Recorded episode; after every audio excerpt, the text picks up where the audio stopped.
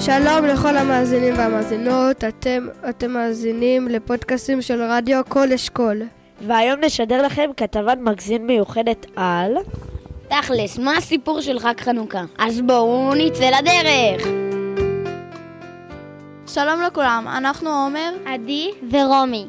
והיום כתבה על ניצחון מעטים על רבים. אז ככה, פעם, מזמן, בתוך חומות ירושלים עמד בית המקדש, והכוהנים הדליקו בו את מנורת הזהב. היוונים ששלטו באותה התקופה, באזור, הגיעו וכבשו גם, גם את ארץ ישראל. הם התקדמו בתוך שטחה והגיעו עד לירושלים. היוונים האמינו באלילים והתפללו לפסלים עשויי אבן, והיו מעוניינים שכולם יאמינו בדיוק כמותם באלילים היוונים שלהם.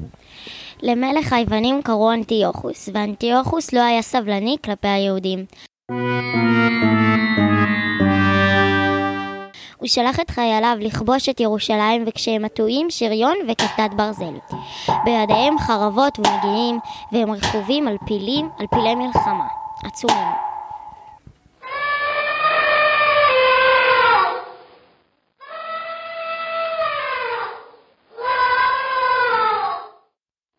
הפילים הללו רמסו כל דבר שנקרא בדרכם, והגיעו עד לבית המקדש, שעל הר הבית. הם רמסו את חצר בית המקדש, והלוחמים היוונים הוציאו מבית המקדש את מנורת הזהב. היוונים הוציאו מבית המקדש את כל הכלים הקדושים והיקרים. הוציאו את הפרוכת ואת כלי החרס המלאים בשמן זית זך. עבור המנורה שהם ניפצו.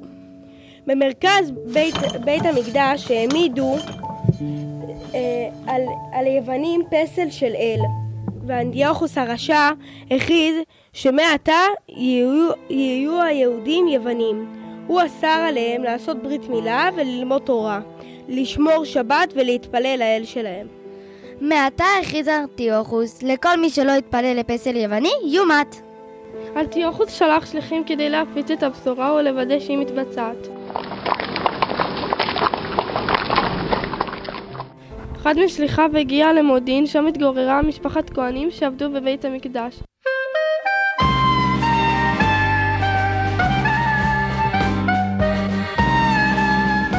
לאבי המשפחה זקן חכם קראו מתיהו הכהן. המשפחה השתייכה לשושלת השמונאים שאיתה משפחת, משפחת המלוכה על העם היהודי. שליח היווני העמיד באמצע הכפר מודיעין פסל וקרא לכל התושבים להתאסף, לשמוע את החוקים וההגבלים החדשים. רק מתתיהו הזקן נתמרד, הוא קפץ, הרג את השליח, הפיל את הפסל וריסק אותו. מתתיהו הודיע לכל התושבים שלא ישמעו לקול המלך ולא יהפכו למתייוונים. הוא הזמין אותם להסתתר במערות, שם ילמדו תורה בחשאי וילמדו גם להילחם. אנשי המודיעין שמעו בקול מתתיהו, עזבו הכל ויצאו להתחבא בערים, הם גילפו להם חרבות עץ, למדו להילחם והמשיכו לקיים את מנהיגם היהודים. כשמתתיהו הרגיש שהוא עומד למות, הוא אסף את כולם והעביר את השרביט לבנו, יהודה המכבי. מכבי היה הכינוי של יהודה, וביקש שכולם ישמעו בקולו ושהוא ינהיג אותם במלחמה נגד היוונים. כשסיימו, עלו היהודים המנצחים לירושלים לבית המקדש על מנת לנקות ולתאר אותו. הם גילו מקום הרוס ומחולל. ראשית הם ניפצו לרסיסים את הפסל וניקו וחיטו הכל, והבזרו מחדש את בית המקדש. אשר היה מוכן להזמין יהודה המכבי את כל היהודים לחנוך את בית המקדש, כל היהודים לבשו בגד, בגדי חג והגיעו לחגוג. יהודה המכבי התכונן להדליק את המנורה, אך הוא לא מצא כד שמן זית מהסוג שרק אותו מותר לצקת למנורה. כולם חיפשו וחיפשו, עד שמצא אחד מאחיו כלי קטן. היה בו מספיק שמן רק להדלקה של יום אחד. כולם שמחו, הדליקו נרות, חגגו והתפזרו לבתיהם. בבוקר חזר יהודה המכבי לבית המקדש וגילה שהשמן ממשיך לבעור כמו באורח נס. במשך שמונה ימים שלמים בערו הפתיליות במנורה, וזה היה אורך החגיגה של חנוכת בית המקדש. מה שהותיר די זמן עבור הכהנים לקטוש ולהכין שמן חדש ומתאים, עד היום אנו חוגגים את, חג, את החג לאורך שמונת הימים שהחזיק מעמד כד השמן הקטן בבית המקדש. יש לא מעט מסרים יפים בסיפור החנוכה.